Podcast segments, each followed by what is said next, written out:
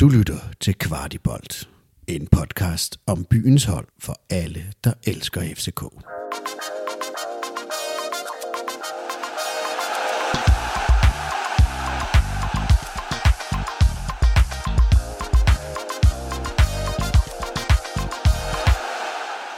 Velkommen til en speciel udsendelse af Kvartibolt. Det er en del af en udsendelsesrække, hvor vi forsøger at finde ud af, hvem er FCK i 2021. Det kræver en forståelse af fortiden, nutiden og fremtiden.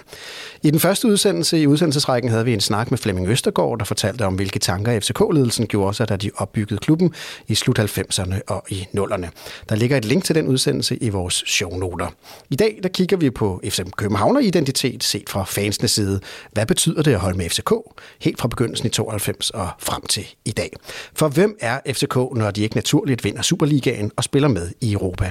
Det er spørgsmål, vi vil forsøge at belyse i denne række af udsendelser.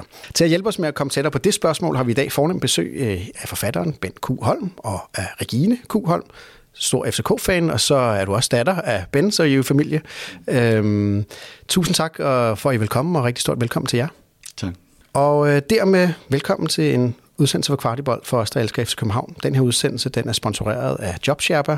Hvis du går og drømmer om et nyt og mere spændende job, eller hvis du helt mangler et job, så hjælper JobSharper dig med at blive attraktiv over for potentielle og interessante arbejdsgivere. Læs mere på jobsharper.dk, der ligger et link i shownoterne. I studiet i dag er vi Kasper Havgård og Kasper Larsen. Og Kasper, du har jo glædet dig rigtig meget til at få besøg af Ben og Regine. Hvorfor har du det?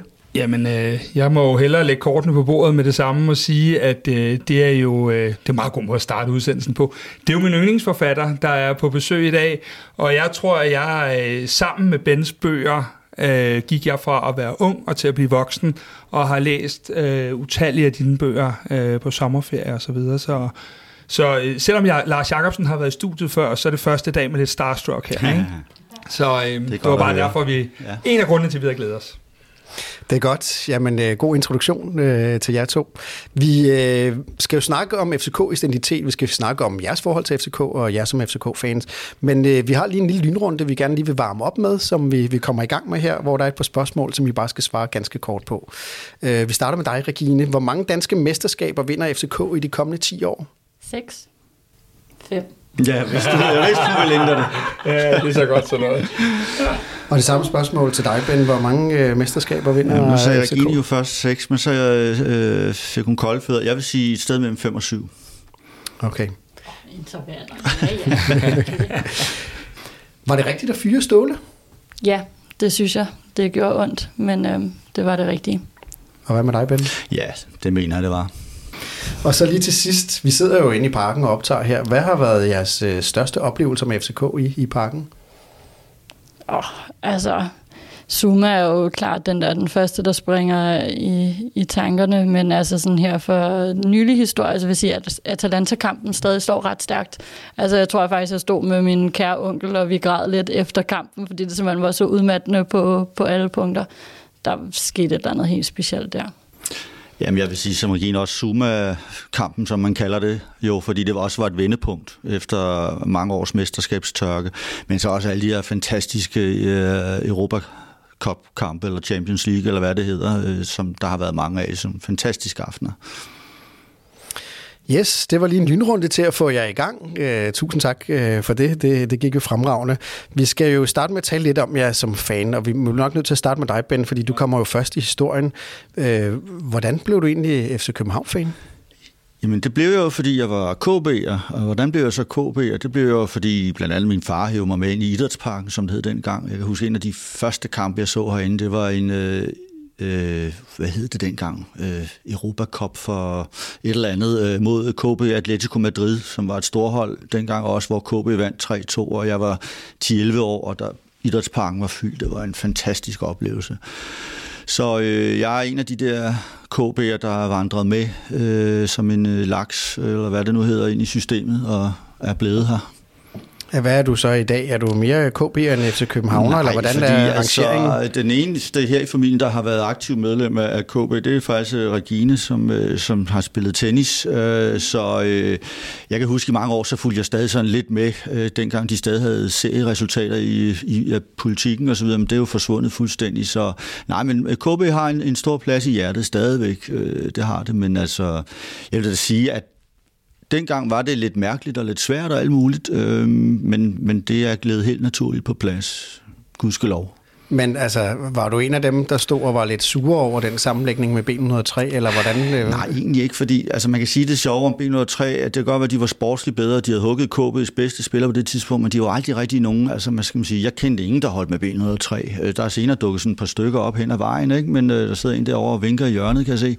Men, men B103, det var jo altså sådan en lidt mærkelig klub ude på Lyngbyvejen, som ikke havde nogen tilskuere og sådan noget. Øhm, så det var sådan lidt, øh, altså det var, det var egentlig ikke det, og jeg tror egentlig også, at øh, jeg var jo ikke sådan en, der kom ud på KB eller noget. Det må have været svært for mange. Jeg kender også nogle af de der gamle gutter, som altså hellere vil se Danmark se holdet, end at tage en eller i parken og se FCK. Ikke? Øhm, så nej, det var egentlig ikke på den måde, men, øh, men det var da jo, jeg vil lige sige, en historisk begivenhed jo. Det var jo kontinentets ældste øh, boldklub, ikke? Som, som gik med i det her.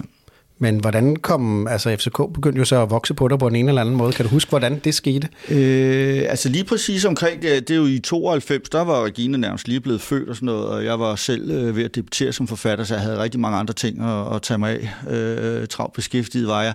Så det var ikke sådan, at jeg var til, øh, til jeg var ikke til den allerførste FCK-kamp og så videre. Men jeg kan godt huske, så kom jeg sådan langsomt begyndt at komme herinde øh, fast i 3-94, og så efter 95, så tror jeg, jeg kom til stort set alting. Men i, i forhold til, nu skal vi jo også tale identitet og værdier og sådan mm. nogle ting. Kan du huske altså nogle af de værdier, du faldt for i, i forhold til FCK, som var nogle anderledes end dem KB havde måske, eller... Nej, altså øh, i en bredere kontekst kan man se på, altså KP var blevet det elevatorhold. Det var jo det mest vindende hold øh, gennem tiderne osv., men så lå de lige pludselig altid og spillede om op- og nedrykning, og det var altid mod B109, som står nok eksisterer i dag. Øh, der var mange ting, der var sådan elevator og trist på det tidspunkt i København som by. Øh, på det tidspunkt. Øh, øh, København var en, en, en, en trist og nedslidt by med stor arbejdsløshed. Øh, virksomheden flyttede ud, og det ene og det andet. Der var sådan en, hvad skal man sige, en... Øh, jeg vil lige sige gejst eller ånd, eller hvad man skal sige, at at der må, der må ske noget, ikke? fordi det var sådan en nedtur. Øh, det var jo ikke kun øh, industrien og arbejdspladsen, der flyttede til provinsen og forstaden. Det gjorde fodboldklubberne jo også for den sags skyld. Så der skulle ske noget. Og det gjorde der så gudskelov også.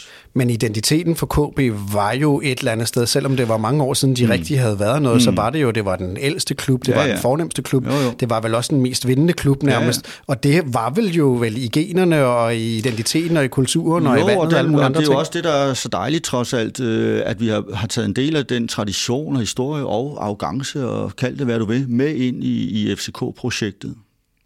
Så, så de værdier, som du, som du så i KB, var, det, er de også i FC, var de også i FC København, da de startede? Altså, man kan sige, at du selvfølgelig skulle vente til en form for øh, kommercialisering og, og så videre. Ikke? Øh, der var måske nogle øh, ting, der, skulle, der lige skulle sluges, og man skulle vende sig til. Men som sagt, så tror jeg også, at det var, det var nødvendigt, fordi det var den generelle udvikling omkring byen København, som næsten altså, øh, var synonym med også KB's udvikling, på vej ned der måtte ske noget, og så må man gang med at sluge nogle kameler og så videre. Og hvordan ser du på, på sammenlægningen i dag, hvis du var lidt øh, kritisk for for det dengang? Jamen, jeg synes, at det har været en succes. Det er der overhovedet ingen tvivl om. Altså, vi har vundet øh, et hav af mesterskaber og er, landets største, eller Skandinavien, som vi plejer at sige, største klub, uh, more or less. Altså, så der er der ingen tvivl om, at det har været en succes. Regine, du er jo også FC København-fan, stor en af slagsen. Hvordan blev du fan af klubben? Jamen, min far, han hævde mig med i parken. så jeg vil også sige, at jamen, jeg kan desværre ikke rigtig huske min første, min første kamp herinde, for jeg var så lille, mm. så rygterne siger i starten, så spurgte jeg altid efter kampen, far, har Danmark vundet? for jeg ja. troede, at uh, øh, FCK, det var, det var landsholdet. ja. Men uh, ja, jeg har været her med altid, så lang tid. Jeg kan huske, jeg kan ikke huske, jo, få, få kampe, der er blevet misset, men... Uh, det var ligesom bare min opvækst. Om søndagen, der skal man i parken. Ja. Der er ikke så mange andre spørgsmål. og hvordan, øh, så, så det er jo også vokset på dig, kan man sige. Det er jo ikke nødvendigvis, at man, man bliver ved med at gøre det, som ens forældre har taget med en til som barn. Hvorfor er, er du ligesom, hvorfor har du aldrig sluppet det? Jeg tror, altså det lyder jo bare corny og det hele, men altså det der fællesskab, alt det man oplever på tribunen, den jeg plejer at snakke om min fodboldfamilie, altså, altså Ben er jo min far, vi er familie, men der er jo også alle dem, vi står på rækken med, der er blevet vores øh, ja, extended family. Altså, du kender så mange mennesker, du kommer ind, du kender kontrolløren, du hilser på det hele, det er dit søndagsritual, det er dit hjem, altså dit andet hjem. Så jeg tror bare alt det, og så det er bare sjovt. Du møder sjove mennesker, folk, der finder på sjove sange ned mod dommeren, modstanderen. Der sker hele tiden noget udviklingen. Ja. Jeg er jo selv, øh, jeg har en, en, en dreng på 8, og begyndt at tage ham med for, for et par år siden, og var egentlig meget spændt på, om, om det fængede, eller om det, om det ikke fængede. Ikke? Mm. Øhm, og de første fire kampe, vi var inde at se, der vandt FC København faktisk 4-0. så hans øh, forestilling om at se fodbold, det var jo, at øh, der altid var masser af mål, og FCK altid vandt, og så kom vi ind, var inde at se en, en Midtjylland-kamp, hvor det var 0-0. Og det var han faktisk lidt skuffet over, fordi det var ikke en del af, af pakken. det var ikke en del af pakken. Men man kan, sige, man kan vel godt sige, Regine, du har fået det, øh, det ind med, med modermælken nærmest, øh, ja, FC København. Helt sikkert i starten var min mor jo faktisk også altid med, indtil at, øh, ja, der kom en efternøler. Så det har jo bare altid været ja, søndagsudflugten. Mm. jeg ved ikke, hvad jeg har gjort ved mig. ja, og så blev det til tors, torsdag aftens udflugten, og ja. så videre, ikke? Ja, ja, ja og i de gode år, der er det tirsdag og onsdags udflugten. Præcis, ja, præcis. Ja, præcis. Men øh, nu, nu er jeg jo far og datter, øh, og jo begge to passionerede omkring FCK. Er, er det også en del af jeres øh, sammenhold som, som familie? Altså fylder FCK noget i, i det? Ja, det kan man vist godt sige. ja, men det gør det da helt klart. Det er jo selvfølgelig noget, der bliver talt om til, øh, til familiemiddag og frokost og så videre, men altså, så lever vi jo også i en travl hverdag, og nogle gange så, så, går der jo, øh, så går der en uge, og så ses vi jo kun herinde faktisk øh, og når måske at få en cola og en øl inden kampen og så videre, men øh, og dine fædre og onkler og alle mulige er jo også, øh, kommer også herinde, ja. så, så det er noget, der omgiver os rigtig meget. Jo. Så på en eller anden måde bliver det en slags holdepunkt for jer, i hvert fald i nogle tider, hvor man også i, lever i en travl hverdag, at så ved man, at der er en Københavnerkamp at falde tilbage på om søndagen. Jo, helt klart. Ja. Helt, klart ja. helt sikkert. Altså, mm. jeg tror det også, også bare et af vores mm. forhold, men mm. også bare, altså, ja altså onkler netop og fædre og alle dem der, altså det er helt klart, at vi ses meget mere. Altså når jeg også snakker med mine venner, de har mm. nogle gange bare sådan, hold da op, I er godt nok sammentømret i jeres familie, eller sådan, skal du nu ses med dem igen, ikke? Ja, ja, fordi vi ses altså en gang om ugen, så vi, altså jeg vil da sige, vi har et mm. ret unikt Altså nogle gange så står man jo der på ræde rækker, så når man virkelig ikke har fortalt så meget sammen, men altså man har dog været sammen på en eller anden måde lige, og har fået snakket lidt, ikke? Vi har jo så også nogle gange eller været på nogle udlandsture, det er jo sådan meget hyggeligt faktisk, kun også to nogle gange, en ja. onkel eller nogle andre venner, ikke? Men øh, og været i Glasgow, Spanien og Tjekkiet og så videre, ikke? Så, så vi har extended det lidt, ja. ja. Ben, var du blevet skuffet, hvis øh, Regine ikke var blevet FCK-fan? Mm, nej, overhovedet ikke. Altså, jeg vil sige sådan, jeg har, øh, Regine har jo, øh, har jo også nogle andre søstre, og øh, den ene mellemste søster, hun kommer også herned på, på sektionen en gang imellem og sådan noget, men den yngste søster har, har gudskelov ikke øh, vist øh, interesse i den retning, og det er jeg faktisk glad for. For det første, fordi hun selv skal vælge jo, og så videre. Også fordi, at det i unge, de unge år, så er det jo en kæmpe udgift i øvrigt, ikke? med mm. alt det cola og popcorn, hvor halvdelen øh, ryger på, ned på betongen efter to minutter. Men eneste så, måde, man får lov at se kampen på ja, som far. Ja, ja, ja, ja, ja. Vi simpelthen lukke munden på de der små ja. unger. Ikke? Men øh, nej, nej, jeg vil sige, at det, det er jeg egentlig meget tilfreds med, fordi det skal ikke være sådan, at det er sådan en helt øh, sovjetagtig familie, der kommer trampende der. Vel? Altså, og lige nu kan man også sige, at det er jo en uh, lidt smertefuld tid at være, være fan af, af København på. Ikke? Øh, man kan sige, at nu har der været mange gode år, ikke? men uh, jeg kender der mange uh, venner, der er fan af andre klubber, som ikke har vundet noget i mange, mange, mange år. Uh, og de, de tænker da over, skal vi give de videre til vores børn? Ikke? Mm. Altså, hvad er du AGF-fan, og du har ikke vundet noget i 30 år? Der har du grædt hver weekend. Er det virkelig noget at give videre til sine børn? Altså, jeg tror engang, at vi glemmer, hvor privilegeret vi er.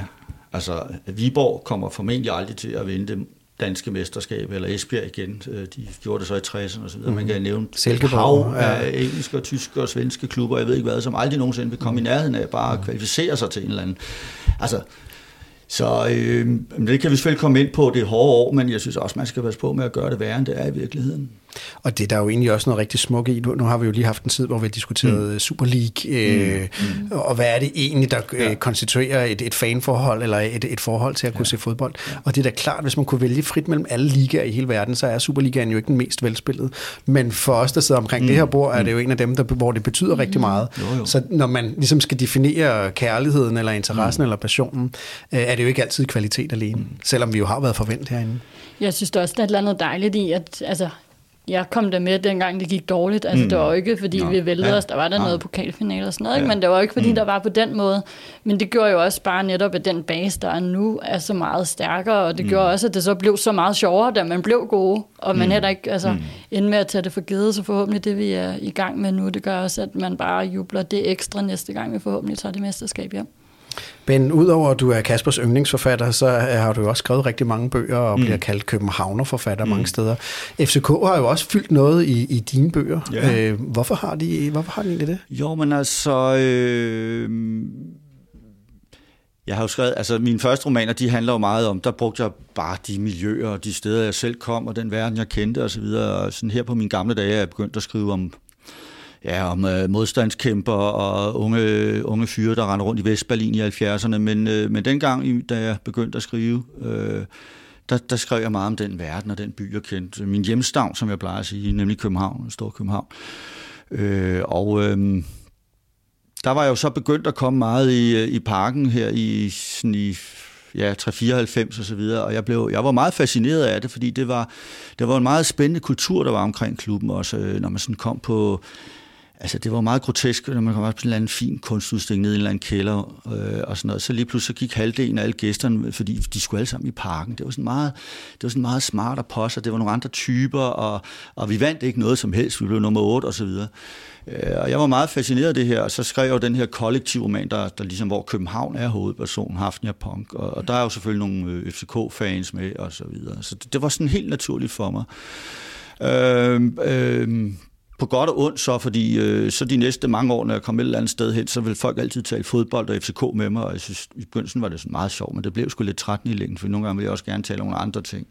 Men jeg brugte det meget, ja, det gjorde jeg, fordi det var en del af mit liv, og det var også en del af, øh, af af billedet, bybilledet i København, nemlig af FCK og FCK-fans, cooligans og alle de her typer, de, øh, de var sådan meget fremtrædende. Hvad, hvad er København egentlig for en by? Det er vores hovedstad, men ja. hvad er det ellers for en by? Hvad definerer egentlig København? Uh, det definerer det, at det er en, øh, man kan sige, det er en storby, men det er også en, en øh, det er ikke en lille storby, men en mellemstor storby. Det er jo ikke Chicago eller noget af den stil, men det er heller ikke, altså hvad ved jeg, Göteborg eller Oslo.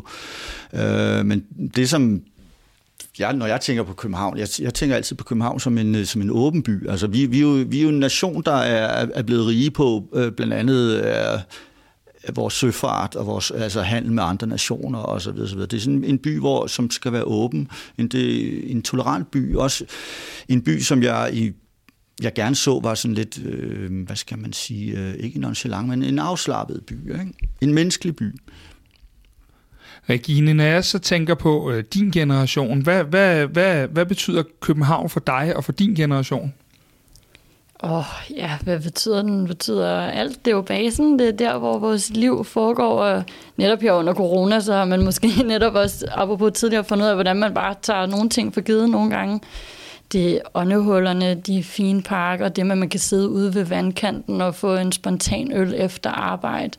Alle de der små forskellige byer i byen, der er. Mm. Og netop, jeg synes det, som du siger, altså det der med, det er en mellemstor by. Man har det der med, at der er en stor by, der er liv, der er mennesker og sådan noget. Men samtidig er den også dejligt tryg, altså på en eller anden måde i forhold til størrelsen. Og, mm. ja. Hvis I to har en, en, en far-datter-dag, mm. hvad, hvad, hvordan kunne en dag inde i København se ud for jer to? Jamen, vi kommer jo ikke ind. Altså, det vil jo være herude på Østerbro i parken. Ja, jeg skulle sige, altså, det sidste, vi havde, det ja, var det var på Café Dantual, da du øh, ja, havde rundt fødselsdag, ikke? Ja, der tog vi da en lille tur, Dantual, ja. byens kro og sådan noget. Ja. Ja. Så I er meget lokalt forankret her på Østerbro? Øh, jamen, Regine, hun bor jo i en konkurrerende bydel, var jeg lige at sige. Ikke? Men altså, jamen, det er også, fordi jeg er jo kommet lidt den der alder. Jeg kommer jo ikke så meget ind til byen mere. nej, nej. Det er jo, altså min, jeg lever i den her Bermuda-trekant, var jeg lige at sige, nemlig altså søerne og parken og ja. Mm. Så, Så det, øh, men en, en, altså, jeg vil snart sige, vi har jo haft de her fantastiske fardatter-ture, netop som, som var inde på før. Altså, og den seneste, der hvor vi var i Glasgow, det var jo, altså... Ej, den var virkelig det, god. Det, sådan, den taler vi stadig om. Det, det, det er næsten for meget det gode. Det er også det Men sidste, var vi husker snart, Det var også det var sidste gang, vi kunne rejse ud, og det ene eller andet, og det var, øh, det var, en, en, det var jo sådan en tur, hvor alt flaske, så det var altså en smuk tur i sig selv med landskabet og det ene eller andet, og så vinder vi og så videre, Ja. gå videre. Det, så det var, det var en vidunderlig tur. Det var også sådan, det var lige før, om, om man måtte rejse eller ikke måtte rejse. Jeg havde Ja, ja, fald ja. flere venner, der var deroppe, og coronaen var der, og måtte Ja. de lukker det hele ned. Og jeg sagde rimelig skråsikkert en måned, selvfølgelig lukker alt det. De kan jo ikke lukke hele verden ned. Ja. Det gjorde, det gjorde Og de nu sidder vi her. Pludselig, ja, ja. ja. Ja. Så tænker jeg, hvis, hvis vi så prøver at brede det over i et FC Københavner-perspektiv. Mm. Vi, vi startede i 90'erne mm. på Nederse øh, med en masse selvironi. Jeg ved ikke, vi husker nok alle sammen, vi ligger nummer 8 mm. som en, øh, en, en af de mest brugte slagsange der. Så kørte vi i nullerne med, øh, med en lidt mere, kan man sige, øh, frem i skoene attitude, ja. Ja. hvor at vi overhaler Brøndby øh, og, og så videre. Øh, så tænker jeg, øh, hvordan har tingene i FC København ændret sig for jer igennem de perioder? Det må du svare på. Altså, hvordan det har ændret sig. Jamen, det, åh, den er svær, synes jeg, men altså, man kan sige, ja, 90'erne var, hvad de var, hvor det bare var ironien, der var, var fremherskende, mm. og, og humoren på tribunen, at det var ligesom det, man kom for, så meget måske, ja, sejrene og mesterskabet, så kom der den der stille opbygning af, at man blev et storhold. Det var jo en, en forvandling, hvor man havde de der virkelig, virkelig tætte kampe. Mm. Altså i starten der mod Brøndby, altså husker der bare 1-0 herinde, ikke? Med, med Santos, altså for, altså, det var bare, ja, det, jeg ved ikke, hvordan man skal forklare det i forhold til overgangen, det der med at mm. gå fra at være 8 til at lige pludselig at være være storhold og ja. ligge i de der tætte kampe til så at have de der par år, hvor at, mm. selvom der måske var en enkelt svipser ind imellem, mm. så vandt man den jo bare med mange point ned. Altså, mm. Så blev det en anden form for ironi, der var på tribunen. Ikke? Ja. Altså, så blev det den der, vi tager det med ro, i stedet for at øh, det var, øh, vi ligger nummer 8 sammen. Men ændrede det noget for jer i vand, at vi begyndte at vinde så meget? Nej, men altså, det er jo det der mærkelige med, at man gik fra at være underdog, øh. Ja. og netop tog det sådan med sådan et, jeg vil sige, skævt, men lidende smil, gennem, he, op gennem hele 90'erne jo faktisk. Man vandt en, jeg tror, man vandt en pokalfinale mod... Ja. Øh, Faktisk ja, over IKAST, ja. ja. Ja, det er jo helt utroligt, Ja. sådan vi er meget ikast i dag. Ja. Men, øh, og så, så var der jo den her tørke indtil 2001, Øh, Jeg tror, det er faktisk Michael Mio, der beskriver, hvordan det i 90'erne, det var lidt som, at når de spillede op på de der jyske stadioner, folk grinede lidt af, folk grinede lidt af FCK'erne. Altså, det var også en lidt ydmygende periode, skal man lige huske. Øh, og så lige pludselig så vender det hele på en tallerken nærmest, og så bliver det, altså, jeg vil lige sige, det er jo nærmest bliver lidt surrealistisk, fordi så kan det godt være, at OB vinder et mesterskab, og så endnu et på sådan en helt surrealistisk, øh, øvrigt også, øh, hvad skal man sige, steam, de lige pludselig får. Men ellers så har, har vi jo siddet stort set på, øh, på, på flæsket i, i sådan 10-15 år, indtil for nylig nærmest, ikke? sådan groft sagt. Øh, Så det var fra den ene yderlighed til den anden, øh, og jeg vil sige, mm, det er måske for de fans, der er kommet til senere hen, der kan det godt være trættende. Det er ligesom, når, når den gamle onkel hen i sofaen øh, øh skal sidde og fortælle om den gang under krigen eller et eller andet. Ikke? Og, og der er sikkert også mange, der er trætte af at høre om den gang i 90'erne. Men det var jo der, hvor klubbens formative år var, så at sige. Det var der, den blev dannet eller stiftet, overbygning og så videre. Ikke? Øh, Så det er, jo, det er jo en periode, der for os, der har været med i den øh, øh tid, øh, har, har gjort stort indtryk. Øh, Jeg tror også for mange fans, jeg synes allerede, jeg kunne mærke, da, da vi havde vundet øh, mesterskabet mesterskab 2001, øh, hvordan der sådan, sådan på tribunen var, kom en helt anden stemning blandt mange af de nye fans, der var kommet, der var bare sådan, var meget, meget kritisk over for spillerne. Øh, Pascal Simpson, altså øh, folk hetsede ham for eksempel. Han er totalt glemt i dag. Men, øh, men der kom lige den her meget, øh, der opstod meget hurtigt hos nogle fans, vil jeg sige, en forventhed. En forventhed om, at nu kunne vi bare simpelthen gå på vandet og skulle smadre alt og vinde alt hele tiden. Øh, det gjorde vi så også mere eller mindre, ikke? men, øh, men der, på den måde synes jeg, at jeg kunne fornemme sådan lidt, at der var opstået en slags kulturændring. Og der kan man sige, at i dag på de sociale medier bliver der jo gået utrolig hårdt til spillere, ledere osv. Øh, har vi egentlig sejret os til at have den position nu, hvor vi øh, mere eller mindre ikke rigtig tåler de her perioder? Ja, altså jeg vil i hvert fald sige, at lunden er, er blevet meget kort. Øh, og der skal man så stadig huske på, at selvfølgelig kan der blive begået ledelsesfejl, og der øh, kan være forkerte spillerindkøb, men altså man gør det jo trods alt i bedste intention med de her spillere som regel. Ikke? Mm. Øh, hvordan en spiller nu øh, slår til eller ikke slår til, det kan der være mange årsager til. Det kan være, at han kommer fra Slovakiet eller et mærkeligt sted og bare ikke rigtig trives her osv. Øhm, der er kommet en meget kort lunde, øhm, og så falder hammeren. Og det er jo det med de sociale medier. Det er skide nemt at sidde hjemme i, sin, øh, i sit kælderværelse, eller hvor man nu sidder og lader hammeren falde over nogen, fordi der findes jo så mange eksperter derude. Øh, og dem er der kommet flere og flere af i hvert fald. Ja, så kan man nogle gange have den der sådan, altså, støtter du holdet, eller hvad? Mm. Altså, jeg kan også godt blive sur på spillerne, og det er heller ikke, fordi at jeg skal holde mig for god til at komme med de der vredesudbrud. Men jeg kan da huske det bare, nu nævnte du selv Pascal Simpson før, hvor Roy Hodgson også var ude og sige sådan, altså, at man er med eller en modspiller på tribunen. Mm. Altså, der er jo også, altså, nu snakker man om 12. mand og sådan noget, men altså, man har jo også et eller andet job i at, at være der for spillerne, mm. for dem til at præstere bedre, så nogle gange det der, hvor man bare går helt kort fra starten af og står og råber og skriger dem. Altså, jeg ved ikke, hvem det gør bedre. Og det blev vel også en del af kulturen på et tidspunkt, at vi i hvert fald i mange år, og vi har vel ikke sluppet den helt endnu, har skulle have et offer. Mm. Øh, tænker jeg på. Der, der har været mange, der har afløst hinanden. Øh, en af dem, jeg sådan lige tænker på, det er sådan Thomas Christensen, TK herinde. Mm. Øh, øh, vores øh, kære ven ude i Brøndby, sportsdirektøren Carsten V. Jensen mm. havde det også. Mm. Vi, det mange glemmer er, at vi startede også med en døje på den måde, mm. øh, og som var meget udskilt. Det blev vel også en del af tribunekulturen på en eller anden måde, at vi så os en lille smule sure på visse jo. elementer. Og det er også, jeg vil sige, det er jo også lidt en naturlig reaktion, for det har vi alle sammen, når vi har, når, hvis vi har øh, tabt en kamp, så så er det også lidt, åh, for helvede, han kunne da også, hvorfor øh, Ankersen det røvhul, eller den klovn, eller et eller andet, altså sådan umiddelbart, ikke? Øh, men det er noget, der bliver sagt i kampens side som regel. Altså, det er mere det der med, at der som regel altid skal være en søndebuk. Øh, og det synes jeg jo ikke er så vanvittigt sympatisk. Øh, men altså, jeg tror også, det handler noget om selvforståelsen, at igen det der med, at hvordan vi ser os på os selv, øh, vores selvforståelse og alt det med, og jeg synes også, at vi skal være kritiske fans, så det er en del af vores, hvad skal man sige, kulturelt DNA, at vi ikke er bare sådan nogle glade klaphatte. Men, men altså, det kommer også an på, lige præcis som Regine, synes jeg, øh, siger så rigtigt, altså, jamen altså, øh, er det fedt, fordi der står nogen nede på et eller andet afsnit, der, øh, der har set sig sur på en spiller eller andet og buer ham? Altså støtter man så holdet, gud gør man dig vel? Altså man kan jo være, man kan være kritisk fan på mange måder, ikke? Og jeg synes, et eller andet sted, øh, så handler det om, når, når kampen bliver spillet, så må det jo i en eller anden form være konstruktivt. Så kan man måske bagefter sætte sig ned på værtshuset og, og skumle og så videre. Men det gør jo som regel ikke spillerpræstationen øh, bedre.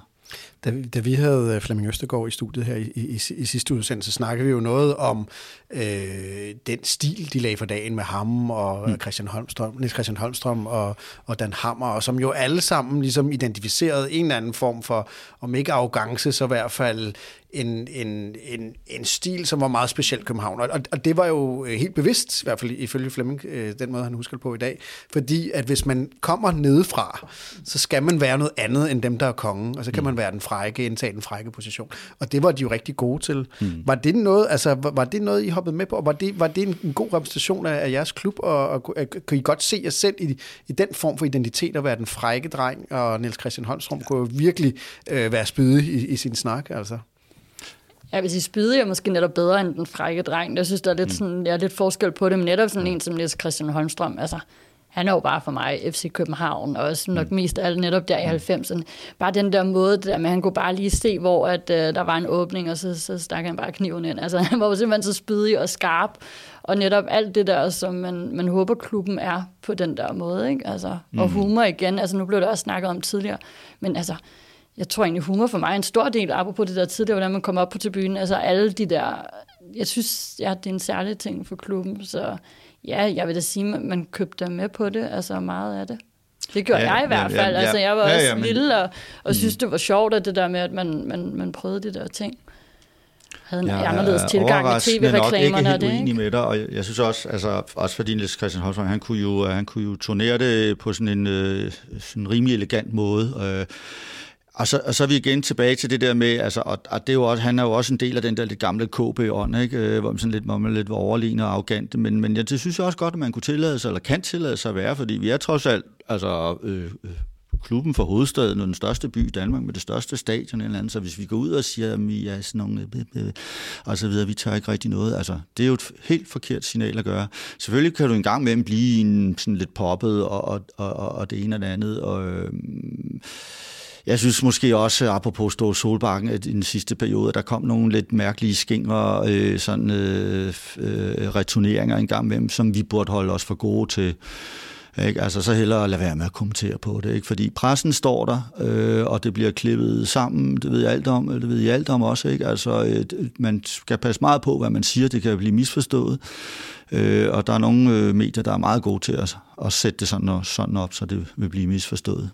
Men det var måske også en naturlig led i, at hvis man kom fra 8. pladserne i, øh, og cafédrengene i 90'erne, så kræver det vel også en anden retorik eller en anden øh, måde at kommunikere på, hvis man skal være op og være den naturlige øh, etter øh, i, i hierarkiet. Så var det ikke en naturlig del af de to ting, ligesom hang sammen, at både retorikken blev noget mere øh, arrogant eller spydig eller fræk, eller hvad vi skal kalde den, men spillet blev også mere og mere øh, selvsikkert i forhold til, at vi, at vi begyndte at vinde. Jo, altså man kom vel lidt i overhalingsbanen, ikke? Altså, øh, jeg tror, når vi sidder her nu i 2021 og ser tilbage på det, så, så, så var det måske engang med lidt, lidt poppet, men, men det virkede jo, ikke? Altså, det må vi jo indrømme. Altså, øh, FCK blev Talk of the Town. Jeg kan huske forfatteren, hippieforfatteren Ole Grünbaum, jeg ved ikke, om det siger noget. Jo, jo.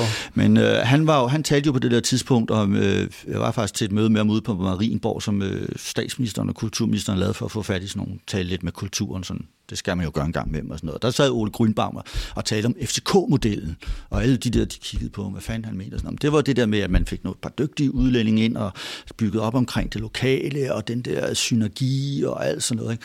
Altså, det virkede jo, ikke? Altså, vi, vi var jo talk of the town, så at sige, der i, øh, op gennem 2000'erne, øh, eller hvad pokker det hedder, ikke, efterhånden. Plus at fodbold jo også blev gjort til en forretning på en anden måde, ikke? og det er jo ligesom det, der Ny jo også snakker om, da vi snakkede med ham, så sagde men det vi skulle opbygge, hvis du skal have en forretning, du kan leve mm. af som fodbold, udover at du skal have noget ja. andet ja. end fodbolden leve af, mm. så siger han, så skal vi præsent, så skal vi derhen, som han kalder brand heaven, mm. og det er, at du har en masse folk, som er enormt engageret omkring det, du laver. Ikke? Mm. Så hvis IKEA havde øh, samme mm. fans, som FCK havde, jo. så ville folk stå derude og juble og klappe, når man mm. kunne købe en ny billig sofa. Ikke? Så, så det er jo også det der med, at det kræver jo en identitet eller en mm. kultur mm. at kunne skabe det der med, fordi FC København kom jo i princippet ud af ingenting. Mm. B103 selvfølgelig mm. og KB, mm. som havde nogle fans, men jo var ikke mm. var noget, som man, det kræver jo også, at man, man skaber et eller andet, mm. som folk begynder at holde af, og som I holder af, ikke?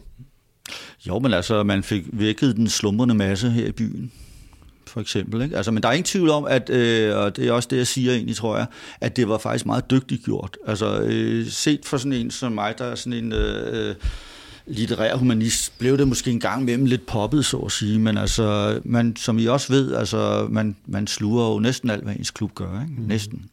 Og hvordan hænger det egentlig sammen, Ben? Fordi en litterær humanist øh, skulle jo gå flere, til flere øh, foredrag på Louisiana, end han skulle stå og råbe her aldrig, i parken. Aldrig, aldrig. det, det overlader jeg til konen og den yngste. Det kan de ja. tage det op på der, det der søndagskirke. Men er der en, en, en modsætning i, i, i de ting, som du laver i forhold til det, det FCK repræsenterer for dig? Nej, altså, men det er jo det sjove at se, øh, at det er jo også det, der er det vidunderlige øh, ved at komme ind i parken, at man ser jo alle de her, altså, advokaten og vinduespusseren, indie-rockeren, ja. og øh, pædagogen og så videre. Der er jo alle mulige forskellige ja, typer. tribunerne illustrerer ja, jo meget godt, ja. hvad det er for en by, vi bor i det, på, det, på, det, på mange det, områder. Det, og byen har så godt nok ændret sig til måske at være en overvægt af den såkaldt kreative klasse, og så en masse pensionister, det ved jeg ikke.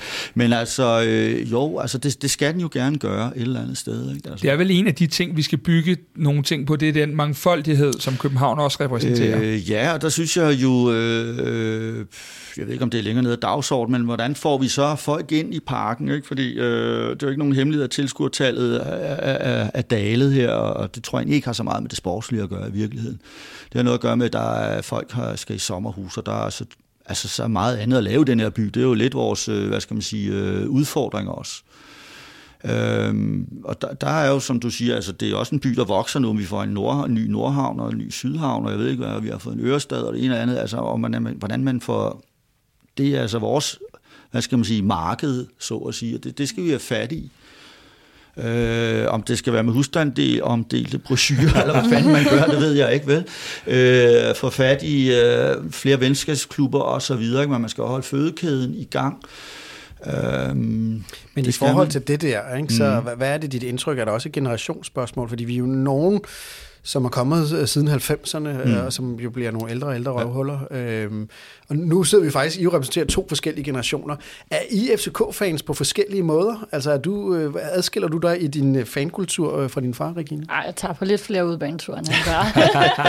altså jeg tror, hvornår var jeg sidst i Jylland? Det var, mod den, det var den der pokalsemifinal mod Silkeborg i 1997. Og var den fornøse med smadret ja, så det, eller hvad ja, ja. så det er kun 24 år siden. Men, øh, så jeg, jeg, jeg er sådan en luksusfan, der har været i, ja, i Glasgow og London. Madrid, og, og du er kun på away-tour, ikke på udebane. Ja, han tager altså, på de europæiske. Men jeg tager faktisk også på... Ej, det passer ikke, tager, du fik da en farmtur i første jeg tager faktisk på, siden, på, Jeg tager faktisk på, på udebane aways, for jeg cykler hele vejen ned til Osborne på, øh, på Nørrebro for at se ud, udkampene. Ja. Det er også hyggeligt så, øh, men nej, altså ellers er vi vel på mange måder sådan rimelig ja. ens, altså også i forhold til, at vi står jo sammen i parken, sammen med dem rundt om. Jeg prøver nogle gange at skubbe lidt til dig og siger, at du godt kan synge lidt mere med. Jeg ved, Nå, du, ja. kan, jeg ved, du kan sangene, men øh, Men det er bare er fordi, så er det kun os to, der står og synger på nede og se nærmest, ikke? Fordi cooligansene derhen, de falder i søvn altså, og så videre. Men altså, jeg har, altså, jeg har ikke indtryk af, og det skal du bare gøre, hvis du vil.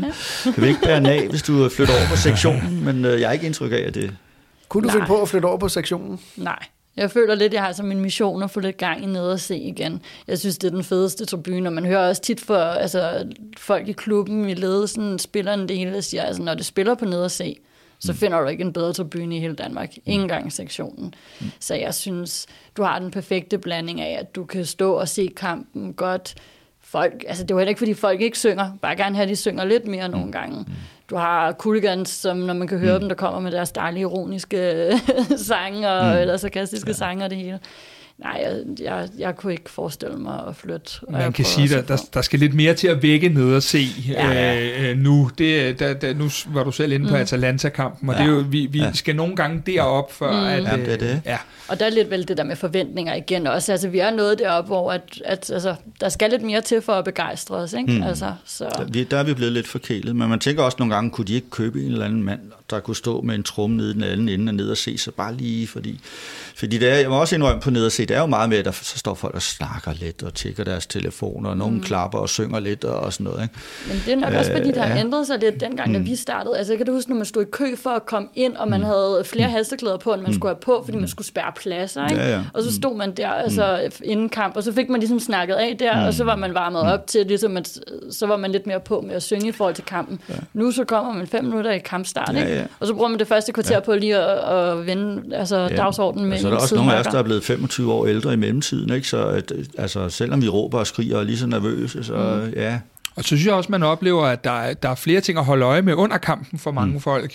Øh, netop de mm. sociale medier, ja, ja. Øh, kampe, man følger i ja, England, ja, ja. og, og øh, måske får man bestilt pizzaen på vej hjem mm. til, i, i, i midten af anden halvleg, mm. og vi kan stemme på man of the match osv. Der, der er også sådan flere distraherede, øh, ja. distraherende punkter, som, mm. som, øh, som kommer med, når det er, at vi, øh, at vi er i gang til fodbold. Ikke? Men hvilken type fans er I egentlig, når det nu her begynder at gå dårligt for FC København, som det har gjort de sidste par år? Mm. Er I, Hvordan, ja, hvordan reagerer I som fans? Jeg bliver stedig, så bliver jeg i hvert fald bare sådan, skal jeg bare være endnu mm. mere fan. Der er ikke nogen, der skal komme og sige, at øh, man kun er der i de gode tider. Mm. Så det er så meget, som man bare har lyst til at smække med døren og sige, det der, det kan simpelthen ikke passe, det skal være så dårligt. Mm. Så får man bare den der, sådan, det skal bare vende det her. Øh, da vi lavede vores sidste udsendelse, det var vist i mandag, der havde vi regnet os frem til, det var 611 dage siden, at vi sidst lå nummer et. Hmm. Regine, er det lige så skægt for dig at gå til fodbold i, i de 611 dage, hvor vi ikke har været naturlig nummer et, som det var øh, op igennem tierne? Åh, oh, lige så skægt. Nej, det er da altid sjovest at vinde, men... Øh, Altså om vi skulle blive dårlige de næste 10 år, så vil jeg stadig komme i parken, fordi jeg tror også, det der har været, som er en af de ting, som så er gået mere op for en under den her dårlige periode, som har stået mere klart, det er jo også bare, hvor meget det betyder, dem man ser kampene med. Det er jo også det der, man kommer ind sammen med far, sammen med en masse gode venner, man har dem, man hjælper hinanden igennem sorgen, så det er bare en anden måde, man er inde på, men uh, det ville da lyde hul, hvis man sad og sagde, at det var lige så sjovt. Det er det sjovt, når man kan stå og hoppe og synge og få en sejrsøl.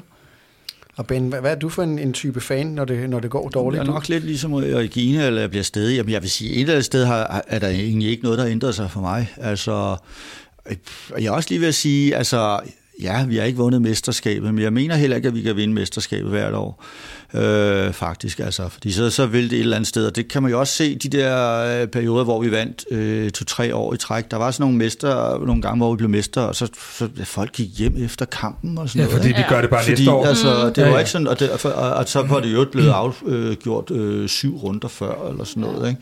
Der var det her år, hvor vi vandt med, jeg kan ikke huske, hvor mange det point ned til nummer to, og jeg ved ikke, hvem nummer to blev. Men altså, det blev sådan lidt, øh, det blev nærmest sådan lidt, øh, at man tog det for givet. Mm. Og det vil sige, øh, altså, det, der er jo altid noget positivt i det negative, og det er det her, at, øh, at når det så vender, og det gør det selvfølgelig på et eller andet tidspunkt, så føles det bare endnu øh, dejligere og sødere og smukkere og så videre. Ikke? Så, Den næste mesterskabsfest ja, får nok ja, et twist, ja, vi ja, ikke, ja. og man bliver nødt til at tage mm. hen, for man ved ikke, at det nødvendigvis sker året mm. efter. Ikke? Mm. Kasper, du har jo også fortalt den historie, at, at din søn øh, jo på et tidspunkt, som jo er vokset op med Luther og FCK, så, ja, ja. så begyndte han at sige, far, hvornår er det, vi egentlig skal ind øh, til mesterskabsfest? Ja. og så må du jo sige til din søn, vi skal lige spille om det først, ja, ja. fordi det, det, det blev simpelthen så... Sådan, så indgroet vane, ja. ja. Mm. Men vores arbejdsspørgsmål til de her udsendelser har jo mm. været, hvem er FCK, når vi ikke ligger nummer et, og vi mm. ikke spiller i Europa? Mm. Er det klart for jer? Altså er FCK det samme, eller mangler vi en eller anden identitet og hænge os op på, når vi nu ikke er nummer et? Hvilket har været en, en, en del, som vi i hvert fald synes har været en stor del af identiteten i, i rigtig lang tid. Vi er de bedste, så fuck ja. Øh, ja, men det er jo heller ikke sådan, man skal ikke sådan rende rundt og fortælle alle, at vi er de bedste, eller vi ligger nummer et, eller, altså, det, det er jo sådan nyrigt, eller hvad man skal sige, sådan en dårlig mm. opførsel, så at sige. Ikke? Altså, det skal man jo vise det kunne du på godt, banen. Det kunne du godt sagt sige, nu, hvor vi ikke, ja, ja, nej, men nu hvor vi ikke kan vise det på banen, så må vi jo vise det uden for banen, om ikke mm. andet. Altså, ved at, altså, jeg synes ikke, at vi skal ændre så meget. Altså, jeg kan egentlig ikke se, Øh, at det kan godt være, der er en masse konkret øh, øh, omkring selve spillet og truppen og dit og dat og nogle forskellige strukturer. Men for den enkelte fan ude i byen, han har der ingen grund til at gå og, og, og, og, og se ned i jorden. Det synes jeg da ikke. Jeg synes, man skal altid se ting i et bredere perspektiv for det første. Men jeg ved godt, at fodbold er nådesløst, fordi altså, du kan vinde i, have vundet i søndags, men det har alle glemt, hvis du taber næste kamp og så videre. Men alligevel må man nogle gange også som fan se det i et større perspektiv. Ikke? Og det er da klart, hvis det fortsætter sådan, altså hvis vi lige pludselig, i stedet for hvor vi altid var nummer 8 i 90'erne, lige pludselig her i, i 20'erne, eller hvad det hedder, altid bliver nummer 3 eller 4, eller hvad, så, så, så, så, så, så er det noget andet. Ikke? Men jeg synes, det er for tidligt, og jeg frygtede egentlig en meget, meget værre krise her, fordi det, altså, tidligere på året eller sæson her, der lå vi vist faktisk nummer 8 eller 10 eller et eller andet. Ja, det er gode gamle dage. Øh, og træneren, øh, her Solbakken, var blevet fyret, og der var en masse uro omkring klubben, og vi, corona og en af dem ting. Hvad nu det her? Vi vidste ikke, hvad vej det ville gå. Vi røg ud af Europa på den mest latterlige måde, nogensinde jeg har set. Og sådan noget. Det var bare ligesom, alting gik galt lige pludselig. Ikke? Øh, hvad ville det være starten til den helt, der, helt store brøndby nedtur, hvor de var tre sekunder fra øh, altså, at rykke ned i første division og så videre. Og det er vi jo trods alt ikke i nærheden af. Altså, så, så jeg vil stadig bare sådan egentlig sige, ja, lad os nu lige tage det roligt. Der er altså ingen grund til at gå i panik, det synes jeg ikke. Nej, men vi, vi er fortrystningsfulde. Nu sagde du også selv, at vi vil vinde mellem 5 og 7 øh, mesterskaber mm. de næste 10 år. Ja, ja. Så når vi laver et, øh, et rerun af den her udsendelse om 10 år, så, kan, så kan vi jo se, hvordan det er gået. Men så du er ikke nervøs for, og det er jo det, vi ligesom også har snakket om. Man kan sige, vi har vores venner ude på Vestegnen, og det har jo været fantastisk på hver arbejdsplads, mm. jeg har været, fordi mm. alle Brøndby-fans, mm. i starten mm. fra 5 og frem, så gik de første mange år med, jamen det er jo lige, at vi mm. vender tilbage, og vi er naturligt store, mm. indtil de ligesom blev nødt til at gå med, med meget bøjet nakke mm. i, i en række ja. år, hvor det var så let at komme på arbejde mandag morgen, mm og møde en Brøndby-fan over kaffeautomaten, hvor man, man kan sige, at de sidste par år har de jo begyndt at rejse sig selv igen, mm. selvom de ikke vinder, mm. fordi de jo på en eller anden mulig måde har fundet en identitet i at mm. være noget andet end bare at være de bedste.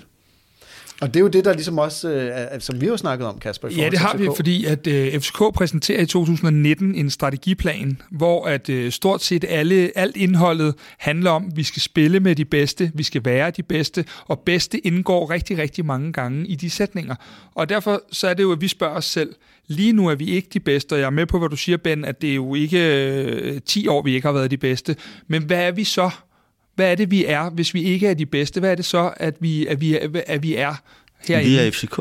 Vi er FC København. Vi er byens hold. Øh, vi er den klub, der er forankret med spillere her på Nationalstadion, og som har øh, moderklubber på henholdsvis, øh, henholdsvis øh, Frederiksberg, Gentofte og Fagner bredt.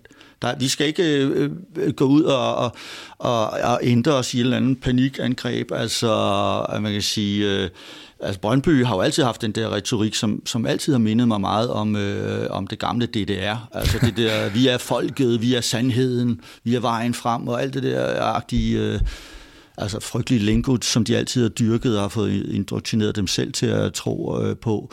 Øh, vi skal ikke forfalde til sådan nogle ting egentlig. Jeg, jeg tror bare, det er sådan lidt is i maven. Og så skal vi selvfølgelig stadig opdyrke den der øh, kultur, der er omkring klubben, og det er klart, det er, jeg vil ikke sige svært, øh, i og med, at FCK er jo en overbygning, ikke? men altså, som, som står på to ben, Øh, og der har jeg jo så ikke rigtig føling med, hvad der foregår ude i de der øh, to ben, men, men jeg synes, man skal, man, skal, man skal sørge for at have mange andre ben også, blandt andet via alle de her venskabsklubber, som jeg har indtryk af, man er i gang med at opbygge. Det, det tror jeg er utrolig vigtigt.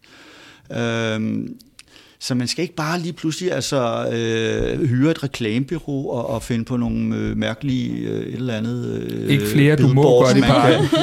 nej. Nå, men det er vel lidt ligesom, man håber, det sportslige setup også lige kan slå lidt koldt vand i blodet og, og takle den her mm, krise. Altså, mm, så er det vel mm. også det her med at håbe på, altså, at det her det kommer til at vende, og forhåbentlig altså, gøre det snart, og der var også et FC København, før vi blev gode, mm. som jeg i hvert fald personligt også holdt rigtig meget af.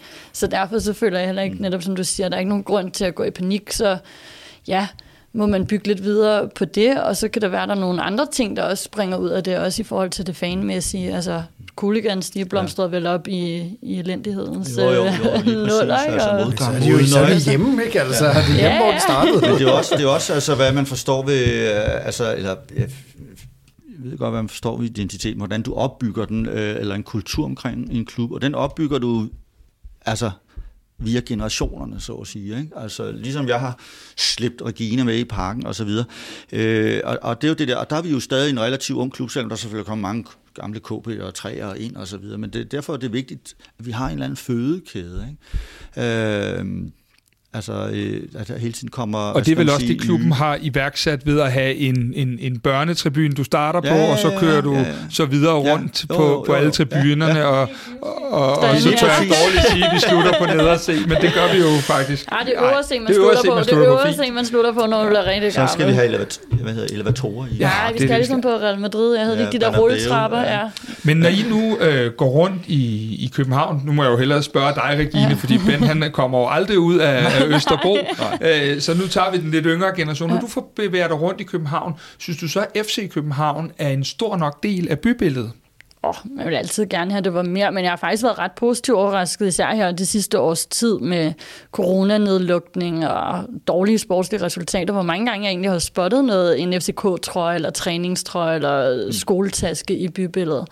Men øhm, nej, jeg vil gerne have, at det var endnu mere. Jeg kan da også huske nogle gange der, når vi havde det kæmpe banner inde på Kongens Nytorv. Og sådan. Altså det der, hvor man bare havde lidt mere... Øhm, mm. Ikke at det skal være reklamer alt sammen, men ja, det der, hvor man så det. Ikke?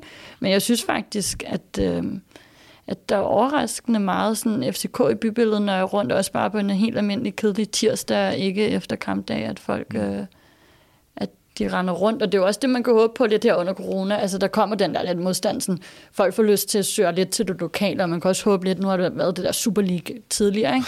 Nå, men, altså, man kan bruge den der til ligesom også at forvente den lidt sådan, ved du hvad, det er altså ret fedt, vi har et kæmpe stadion her midt inde i byen, hvor du kan komme ind hver søndag, du kan se den her kamp, i stedet for at, at se på et eller andet i tv, ikke? Altså, man kan få bygget et eller andet, sådan, mm det der tilhørsforhold, og der ja. synes jeg, jeg kan se med min lillebror, altså han har også søgt mod det her lidt lokale i, i midten af alt det her, sådan, hvor vi har egentlig noget, der er ret godt her øh, tæt på. Så det, det er noget, så, der, jeg håber, så man kan tage i denne her rigtig dårlige periode, vi jo alle sammen har været i, hvor vi har været fængslet lidt i hjemmet, ja. øh, så mener I egentlig godt, at der kan komme noget, en anden effekt ud af det bagefter, som vi måske også kan få lidt gavn af, os der kommer i parken, måske med lidt flere tilskuere, måske at man opdager lidt, hvad man har savnet. Det der er jo selvfølgelig man, også den modsatte det man håbe, mulighed. Men vi også desværre se i øjnene, at det er oppe ad bakke, fordi altså nu, ja, jeg bevæger mig stort kun på Østerbro, øh, rundt på Østerbro, og der ser jeg gudskelov, øh, hvad, hvad danske trøjer angår, stort set kun FCK-trøjer faktisk, og skoletasker. Jeg er sådan en, der lægger mærke til sådan noget. Øh, men jeg ser jo altså også rigtig mange Barcelona-trøjer, og gør det mig glad. Lyder jeg glad? Nej, jeg retter snart ryg. Eller Arsenal, tror jeg, eller Milan, eller what the fuck, hvad jeg lige ved at sige. Øh, og sådan er det bare. Det, vil sige, det er jo i en større kontekst, den konkurrence, vi også er op imod. Ikke? Øh, du ser jo også Barcelona, tror jeg, på ned og se, for det ikke skal være løgn. Ikke? Altså, og det er sådan noget, der, der er, det, Ej, det, det er en uskik. Ja, men det, der er jeg, det vil sige, det er jo også det, der er det gode ved at være fan. Jeg, altså, jeg er jo også fanatisk. Det indrømmer jeg blankt, altså på det her punkt, og det, det er sådan noget, de irriterer mig. Men, mm. øh, men det kan jeg jo ikke gøre noget ved. Men altså, det må vi også bare se i øjnene, det er, det er også det, vi er op imod. Ikke? Øh, børn i, i Liverpool-trøjer og så videre. Ikke? Øh, nu, nu har jeg en, en, en søndagsspiller ja, i HIK, altså, ikke? Har vi nogle, ja. og der er altså, nu har jeg lige været nede i HIK i dag, ikke? Ja. og der vil sige, jeg så en med FCK, øh, ja. men ellers er det jo Paris Saint-Germain, ja. øh, Barcelona, ja Real Madrid. Øh, og det er jo fordi alting er blevet ja. mere tilgængeligt mm. på, ja, på, ja, på mange ja, områder. Vi lever i en global verden og så videre, og, og der, at, at, at spillet er måske lidt bedre, i, i, og der er de der stjerner og så videre. Ikke? Og det, det leder mig egentlig også lidt hen til, at altså, med, med fodbold og alt det der FCK og sådan noget, altså jeg har det lige så, hvad skal man sige, altså min kærlighed og alt det der til FCK, er ikke blevet mindre overhovedet, den er som den er, og sådan noget, men til fodbold generelt, Mm. Det er jeg måske virkelig træt af. Fordi øh, de der Super League for det første, det der med, at man laver sådan en, øh, sådan en lukket fest, ikke? Øh, øh, Altså det, det, jeg synes, det er forkasteligt og meget ueuropæisk jo. Øh, men spillerlønningerne, øh, Messi, der mm. tjener en milliard om året, og der, der er så mange øh, Katar, der hvidvasker deres, øh, deres blodige hænder ved at, mm. at købe sig ind i Paris Saint-Germain.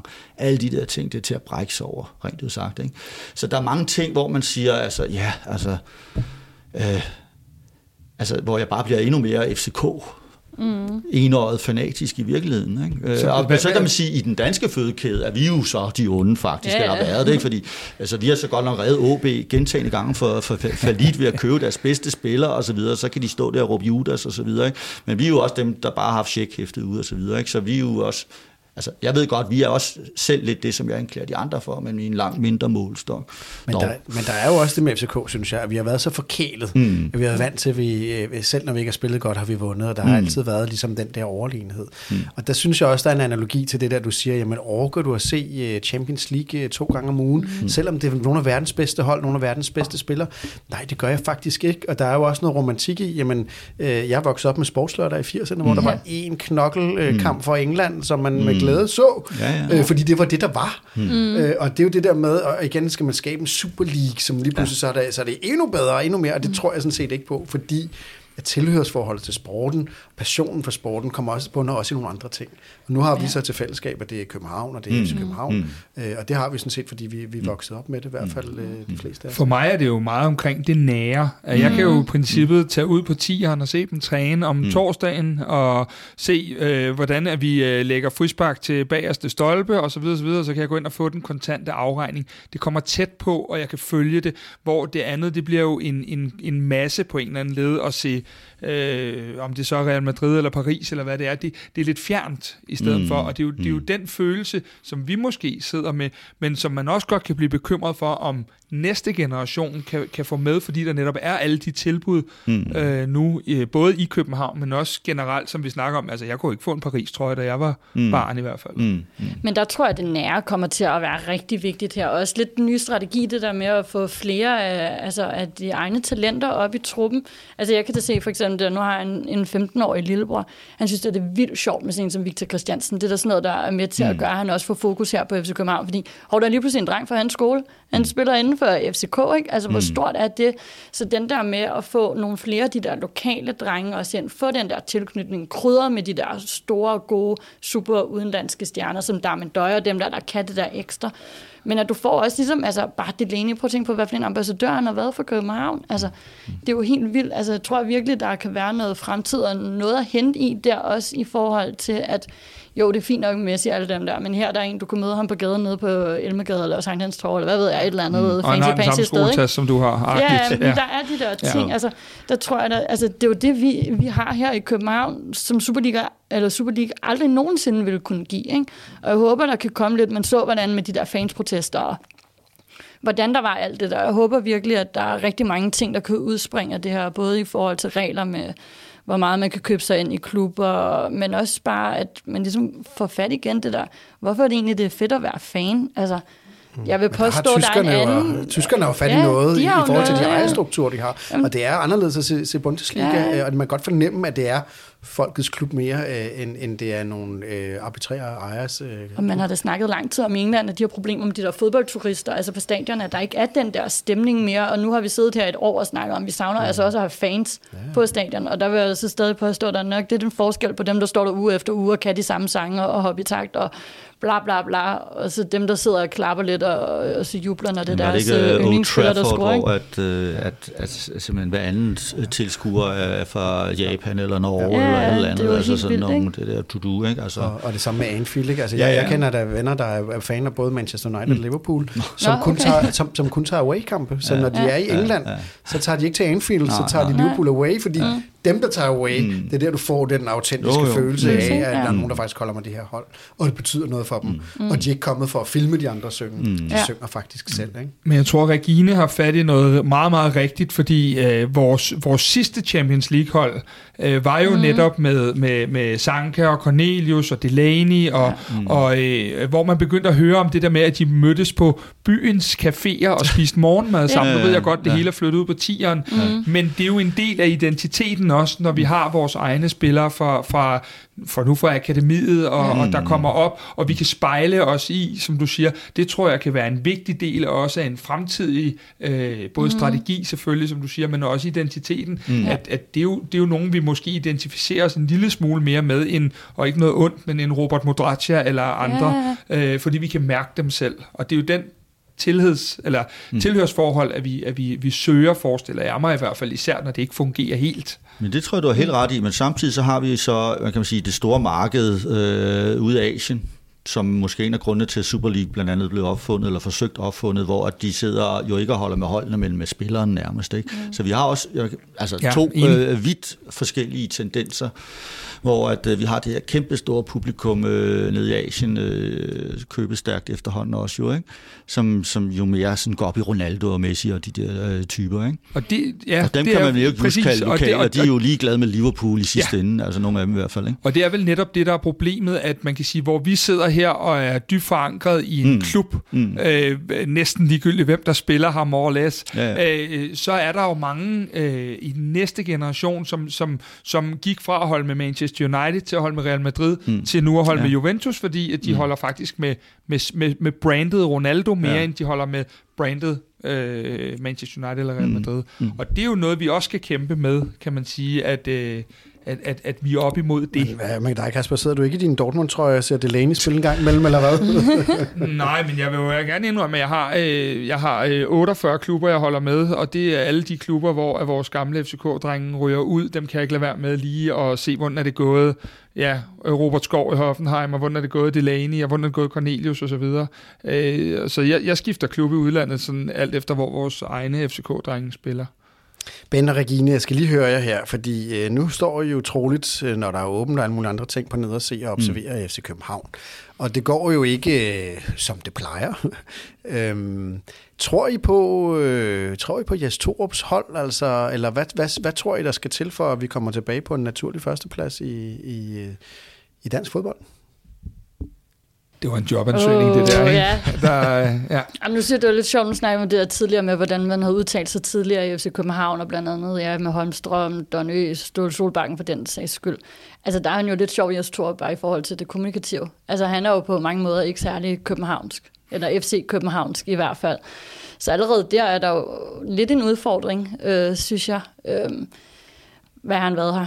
Et, et halvt års tid det er for tidligt at dømme ham ude. Øhm, jeg vil sige, det afhænger godt nok lidt af, af de kommende transfervinduer, og hvad der kommer til at ske, om man, man tager den her trussel fra flere kanter af, at det er jo ved at være nu alvorligt. Øhm, vi skal ramme rigtigt, men øhm, jeg synes, det virker som om, der er noget dedikeret projekt, og der, der er nogle gode øh, folk omkring, og jeg er meget indtil videre begejstret for PC's tiltræden, så bliver så håbe, ikke? Det skal da nok men, gå. Men, men apropos det, du siger, så kan man sige, PC er vel også egentlig gået ind, og, og kan man sige, øh, han startede jo faktisk med at definere ud for KB, det der med, at vi gør øh, mænd til drenge og drenge til mænd, og, og, og så videre herude, øh, og, og viste, at han faktisk havde øh, hvad hedder det, øh, historien med her, og havde forståelsen, synes jeg, i mange af de interviews, der blev lavet omkring klubben, øh, og, og hvilke værdier den var, var, var lavet på. Og så kan man sige, det er måske lidt det, vi også har, har haft en fase, hvor vi ikke har haft. Øh, og det er måske noget af det, vi, vi, vi skal søge mere ind til, for igen at finde ud af, at vi ikke snakker om andenpladser og mellemsæsoner. Ja, det skal da være en stor ting at spille i FC København. Præcis. Det skal være en stor ting at spille for, for hovedstaden.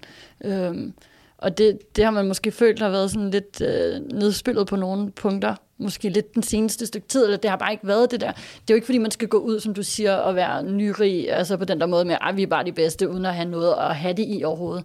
Men jeg synes godt, man kan være lidt mere ambitiøs måske i nogle af udtalelserne. Er det ikke lidt af den storhed, I også er faldet for i sin tid? Altså det der med, altså, at jeg er med på Bens hold med, at vi kan ikke bare gå ud og sige, at vi er verdensmestre, når vi ikke er det. Men, men det der med, at man, man netop, som, som du siger også, Ben, at man har stadion, man spiller i hvidt, man er i hovedstaden osv., det er vel nogle af de dyder, vi skal ud og, og ligesom øh, sælge ud af, eller kigge, kig ind i, og, og, og, og skal være en del af FC København. Jo, men jeg, ja, altså, jeg, jeg synes også, det er et, et svært øh, spørgsmål i virkeligheden, fordi altså, øh, man skal jo bevise det på mange fronter. Ikke? Præcis. Øh, og vi har også den, den der ukendte faktor, som vi faktisk ikke har fået talt om i aften, nemlig økonomien. Ikke? Ja. Øh, hvor meget der nu bliver øh, besluttet eller ikke besluttet i bestyrelseslokalet osv. Øh, altså hvad Jes Torup og så videre angår, så vil jeg sige, lad, som plejer at sige, lad tvivlkommende anklaget til gode. Altså han skal da ja, have noget tid selvfølgelig. Ikke? Ja. Øhm, og PC er jo også, han har jo spillet for FC, altså, eller København, som nogen synes, vi skal sige, og det kan vi også sige. Altså, så, så det er jo også fint, og jeg synes, det, det har været meget vigtigt det der med, altså i sin tid, da man altså, tilknyttede Mio, øh, øh, øh, som, øh, hvad han nu var, spiller, øh, chauffør, var jeg lige at sige. Jeg ved ikke lige, hvad det var, han lavede, vel? Men, altså, men det der med, at man får de gamle spillere, øh, altså, dem, som får noget kontinuitet mm. i klubben, at der kommer nogen, altså også som øh, med William Kvist og så videre. Øh, selvfølgelig kan vi ikke få alle tidligere spillere ind i klubben, altså, så, så ender det med, at de skal stå nede i kantinen øh, eller noget af den stil. Ikke? Men altså, at man har en eller anden form for, for kontinuitet, det er jo lige så vigtigt som den der med, altså den, der kommer nedefra, som med, med Victor øh, hvad hedder han, øh, Christiansen ja. og Delaney. Altså, mm. Så den, den går mange veje, den der kontinuitet, netop for, og det er også der, kulturen jo opstår, der, når der kommer en eller anden form for homogenitet et eller andet sted. Ikke?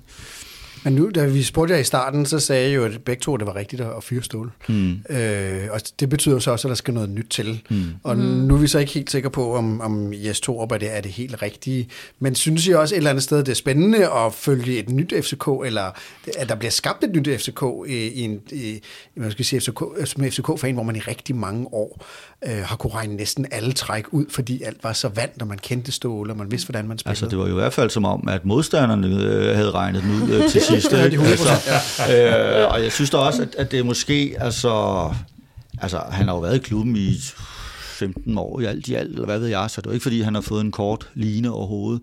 Men det var måske også det der med, at, ja, at det var ved at sande til, så at sige. Ikke? Altså, der, der skulle ske noget andet. Øh, men, og så men kan det man jo andet, være, er det det rigtige, tror du, for Jeg tror, det er for tidligt at sige, altså. Øh, jeg tror da helt klart, at Jes Torp en kapacitet og, og, og Næstrup og hvad de hedder alle sammen. Altså, men det kan da godt lige nu virke som om, at der er rigtig mange kokke ude på den der sidelinje, øh, der, der kan måske fordærve øh, det for en anden. Det, det, det har jeg ikke øh, indsigt eller forstand på egentlig. Altså, jeg, jeg, tror, at, øh, jeg tror, det er for tidligt øh, egentlig afsige nogen dom overhovedet. Jeg tror også, altså det man skal huske på, altså for eksempel bare i forhold til mig selv, nemlig altså Ståle har jo nærmest været træner i al den FCK-tid, jeg kan huske, ikke? Ej, men groft sagt.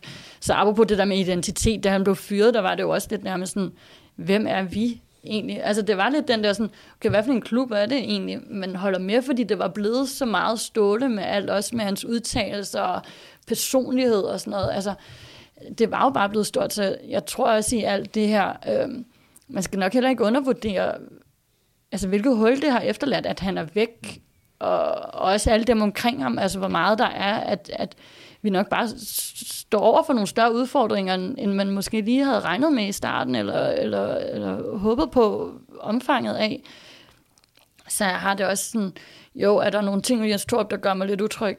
ja, øh, skal han få lov til at, at få sat sit eget hold lidt mere?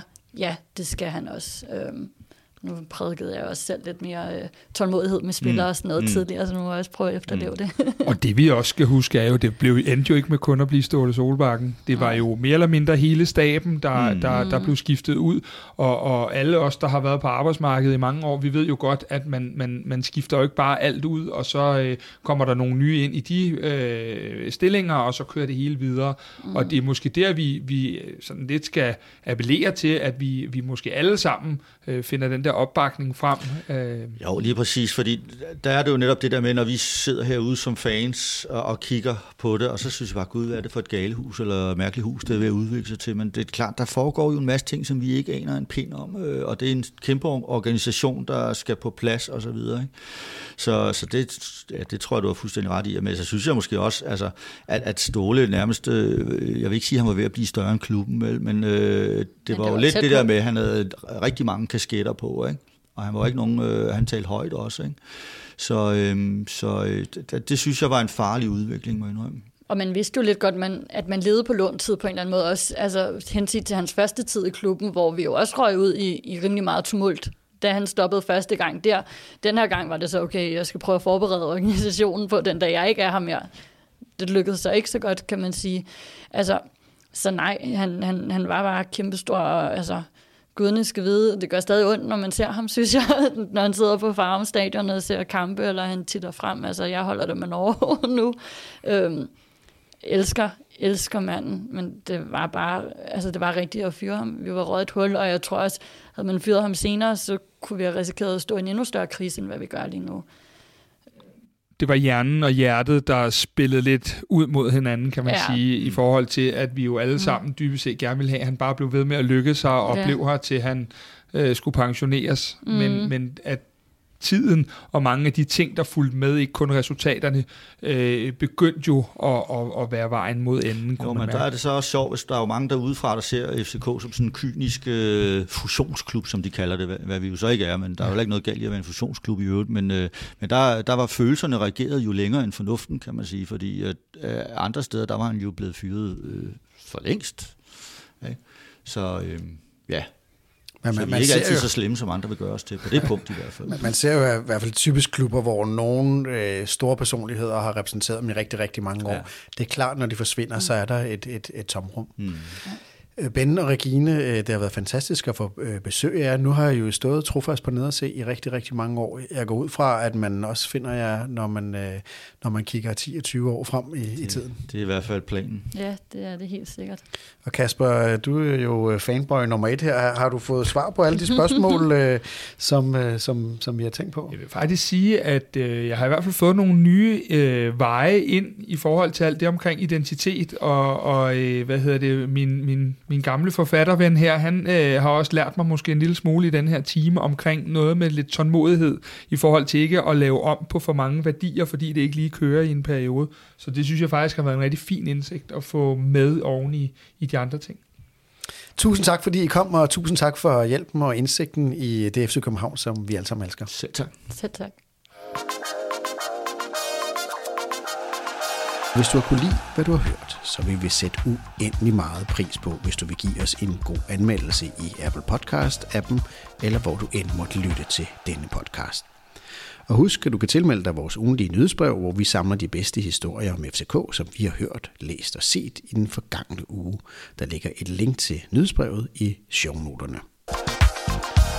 Kvartibold blev præsenteret i samarbejde med JobSherpa, Jobsherpa er til alle, der drømmer om et nyt, fedt job. Dem med et stærkt personligt brand vinder på jobmarkedet. Bliver du set? Skiller du dig ud? Bliver dine resultater anerkendt? Med et forløb hos JobSherpa får du udviklet en personlig brandprofil, der matcher dit jobmål. JobSherpa laver din strategi, skriver dit CV, producerer din videopræsentation og optimerer din LinkedIn-profil og sparer løbende med dig om, hvordan du får åbnet de døre, der skal åbnes, så du kan nå dit mål. Prøv JobSherpa og få et bedre job. Se mere på jobsherpa.dk j o b s h e r p a.dk. Der ligger også et link i shownoterne.